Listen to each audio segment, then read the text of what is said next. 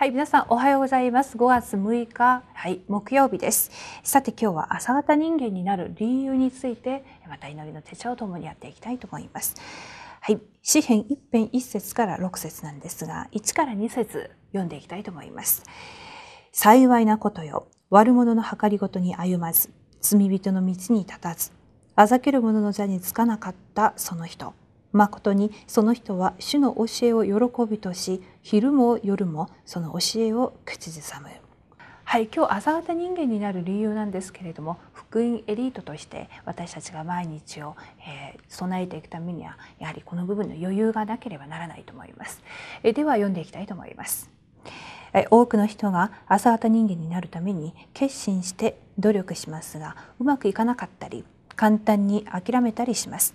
しかしエリートの共通点はほとんどが朝型人間の体質と習慣を持っているということです。それなら世界福音化の中心に立っている私たちが朝型人間にならなければならない理由は何でしょうか？はい。理由その一つ目です。はい。一番霊的な理由。普通朝起きると魂が清らかになり体も軽いです。だから朝は御言葉を黙想するのは最適です。聖書をよく見るとダビデは王になる前にまた王になってからも夜明けに祈りました。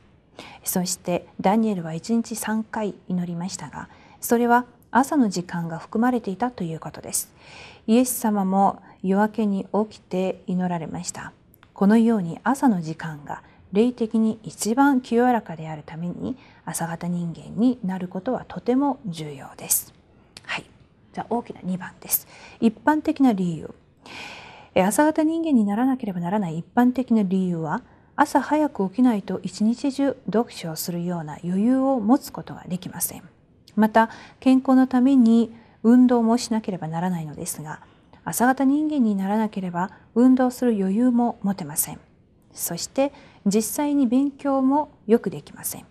朝型人間になってこそ生活の余裕が生まれます。はい。で大きな3番です。世界エリートとの競争。世界エリートと競争するためには朝型人間になることが有益です。エリートの体質は朝型人間です。特にレムナントは契約を握って福音エリートの体質と規律。文化を征服するための体質を備えなければなりません。はい、このように理由について言われてきました。では皆さん今日の内容を通して、えー、皆さんはどうでしょうか？朝型人間でしょうか、えー、または夜型でしょうか、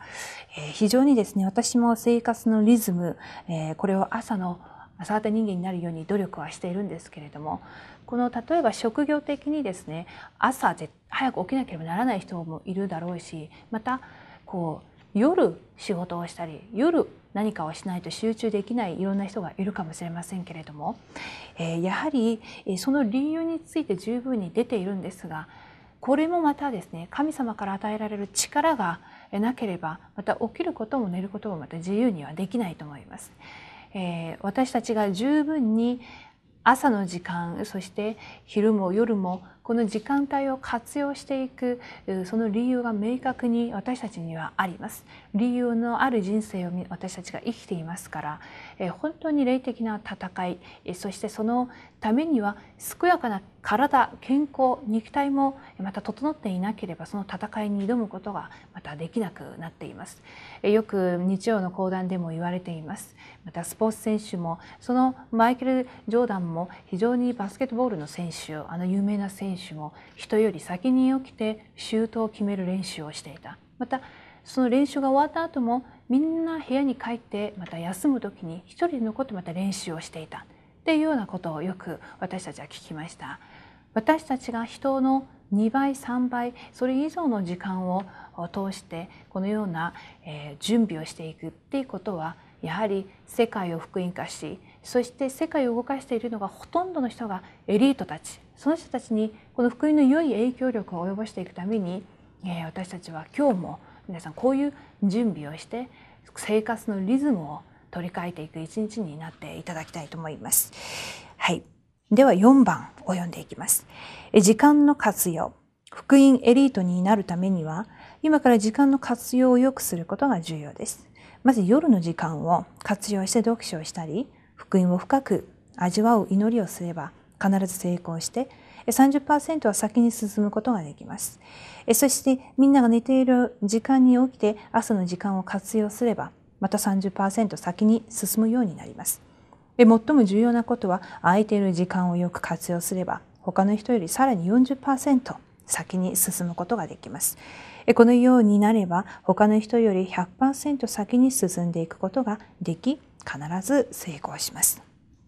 はい、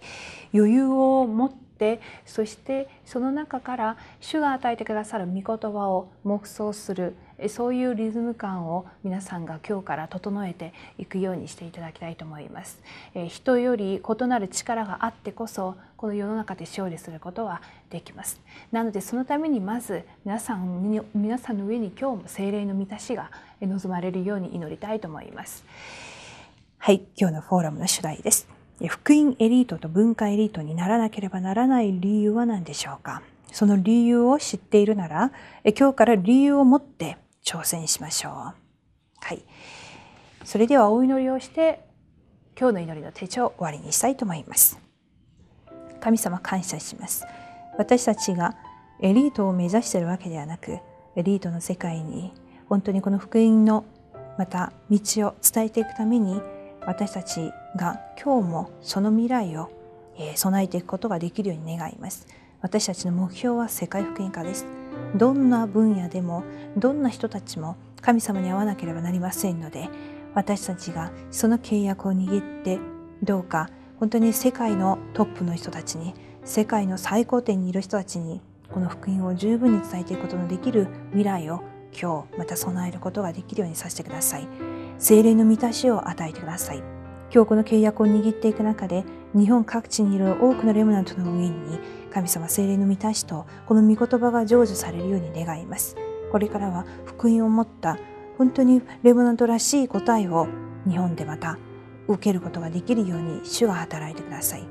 今日も暗闇の勢力を打ち砕いてください。御言葉が成就されて、この御言葉を握っていく現場に弟子が起こされるような主の福音エリートが起こされるように、どうか主がまた今日も私たちを整えてください。神様、余裕のある、その余裕っていう時間の中に私たちが神を考え、現場を考え、御言葉を黙想していけるようにしてください。そしてそこからたった1分でも2分でも精霊の満たしを通して精霊の満たしの力で一日をまた過ごすことができますように小さなの小さな神に向け 向けた献身によって大きな伝道の働きが起きると思います。すべてを感謝して主イエスキリストの皆によってお祈りします。アーメン